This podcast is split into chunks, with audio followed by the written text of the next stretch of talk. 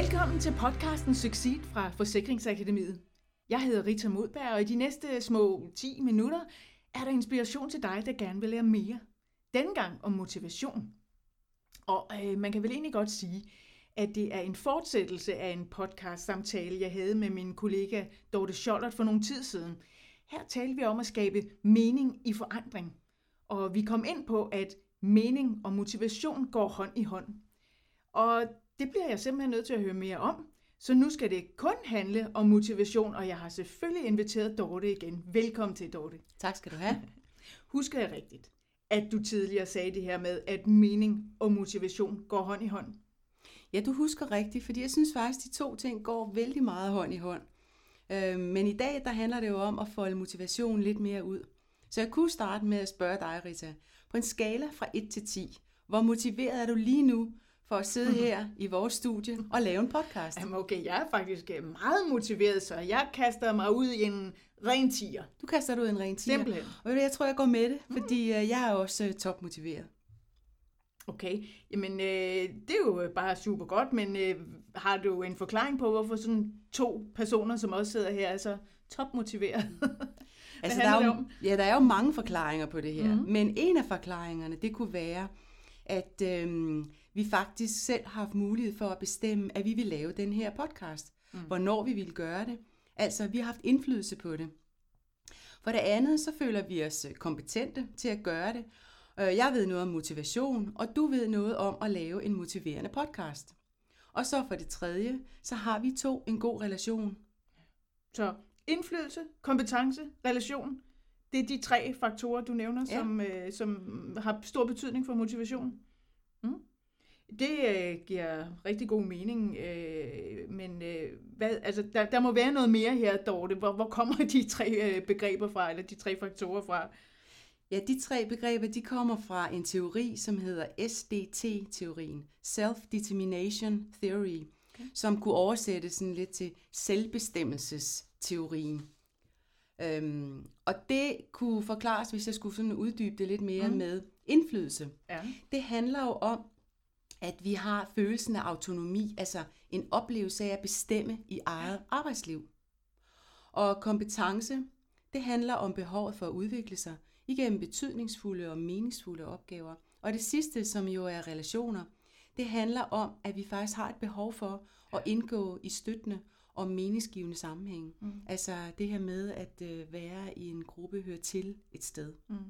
Altså, jeg kan i hvert fald sagtens genkende øh, de tre faktorer som noget, der har betydning for min Mm. motivation, og måske i særdeleshed relationer. Ja, Ikke? Fordi ja. det, det, for mig der betyder rigtig meget, at øh, det, den der følelse af at skabe noget Mm, sammen med andre, mm. og være i en sammenhæng med andre. Mm. Øh, så så det, øh, det giver rigtig god mening. Men altså, det er jo så modellen, og jeg tror, jeg forstår den, og så videre, så videre, men, men øh, det betyder jo ikke nødvendigvis, at alle sidder og er glade og motiveret rundt om arbejdsbordet. Nej det, nej, det gør det ikke, for der er rigtig mange faktorer, som spiller ind. Altså, og, og vi, kan, vi kan på en eller anden måde ikke sikre os, at alle forbliver motiveret. Mm. Men noget, vi kan gøre, som faktisk kan hjælpe til at hop, holde den her motivation oppe, Mm. det er, at vi måske sådan hver 15-20 minut sætter nogle små highlights ind i det, som vi siger, eller det, vi gør. Hvis nu øh, jeg for eksempel øh, havde øh, nogle spørgsmål, Mm. jeg kunne stille til en gruppe, jeg underviste, eller til et møde, så ville det betyde, at der var nogle øh, highlights, som kunne skabe noget motivation. Hvis jeg for eksempel varierede mit stemmeleje, hvis jeg holdt en øh, kunstpause til det, der var blevet sagt, hvis jeg bad deltagerne om at lave en summeøvelse, en noget forventningsafstemning, eller hvis jeg sådan gav opmuntrende anerkendelse eller ros. Så hvis jeg nu skulle øh, lægge sådan et øh, mikromotiverende element her Ja, øh, ind ja. i, i vores podcast, så kunne det jo for eksempel være, at øh, jeg siger til dig, der lytter, at øh, de næste 20 sekunder, så må du gerne øh, læne dig lidt tilbage og reflektere over spørgsmålet, hvad betyder motivation for dig? Og jeg tæller bare ind i mig selv.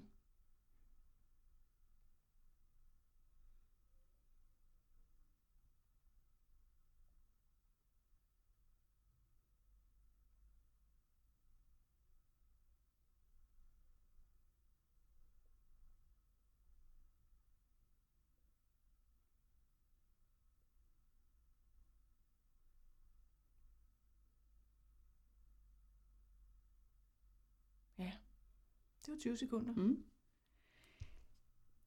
Du har også tidligere fortalt om indre og ydre motivation. Kan du øh, sætte lidt flere ord på det, Dorte, i den ja. Ja. her sammenhæng? Det kunne jeg godt tænke mig at høre om. Ja, fordi man kan ikke komme udenom at tale om indre og ydre motivation, når man taler om motivation, og når man kigger i motivationsteorierne. Mm. Øh, Og man kan sige, at den her indre form for motivation og adfærd, det er den, der er drevet af lyst, altså nysgerrighed og interesse. Og den er sådan ligesom kendetegnet ved, at den ikke er drevet af udfrakommende konsekvenser, altså sådan noget med belønning og straf. Ja, ja. Og så er der jo det her, ordet motivation, det faktisk betyder at movere, altså at bevæge sig eller flytte sig. Mm. Øh, så når vi ikke føler os motiveret, så påvirker det jo faktisk vores adfærd. Det påvirker vores engagement, og det påvirker også vores præstationer negativt. Så, så øh, hvis det skal være, altså det påvirker negativt, ja. Ja. siger du, men hvordan kan det så fungere, hvis det skal påvirke positivt? Jamen altså omvendt, så når vi er motiveret, så bevæger vi os jo i den positive retning. Ja, ja. Så det vil sige, at motivation påvirker den enkelte, og den fremmer også en bestemt adfærd, og den fremmer også noget engagement, og det resulterer igen i en bedre præstation. Så derfor er det bare så vigtigt, at vi ved noget om, hvordan vi kan påvirke den her motivation i Ja. en bestemt retning. Og det, det er jo sådan en bevidst handling, mm. det Mhm, du giver mhm. udtryk for. Jeg kan ikke lade være med at tænke på, at jeg synes, jeg har mødt mange mennesker igennem mit liv, som, Mm. du ved, altså det virker som om, de fra naturens side bare er ekstremt uh, positiv og virker meget, meget motiveret i, det, i, i jobbet og ja, Mm. i det hele taget. Er der også, øh, hvad skal man sige, et ubevidst lag i det Mm. her? Ja, der er jo i høj grad vores personlighed. Øh, og man kan sige, øh, der, der, og der findes mange undersøgelser, og jeg har faktisk lige for nylig læst en undersøgelse, som viste, at personer, som sådan grundlæggende havde Mm. et positivt syn på livet, altså nogle, der var initiativrige, samvittighedsfulde og udadvendte, de havde faktisk en tendens til et større engagement i deres arbejde.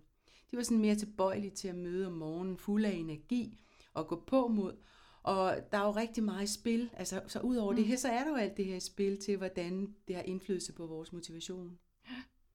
Okay, du, du underviser jo i det her emne, Dorte. Ja. Øh, og hvis nogen, der sidder og lytter med, tænker, at øh, det vil jeg høre mere om, hvad, hvad gør de så? Det er rigtigt. Jeg underviser blandt andet på vores succeskursus Motivation. Der arbejder vi jo med at forstå, hvordan vi kan påvirke den her motivation hos os selv og andre. Og jeg tænker, det er ret relevant, når man står som øh, underviser, eller man er coach, eller man er leder, eller man også er en medarbejder, som faktisk skal genvinde sin motivation i jobbet. Okay. Og hvis du, der lytter med, er blevet nysgerrig efter at lære mere om motivation, så kan du starte med at tjekke ind på vores øh, hjemmeside, forak.dk-succeed. Øh, og har du spørgsmål til kurserne eller brug for sparring, så tag fat i os. Du finder også øh, kontaktinfo på hjemmesiden. Tak fordi du lyttede med.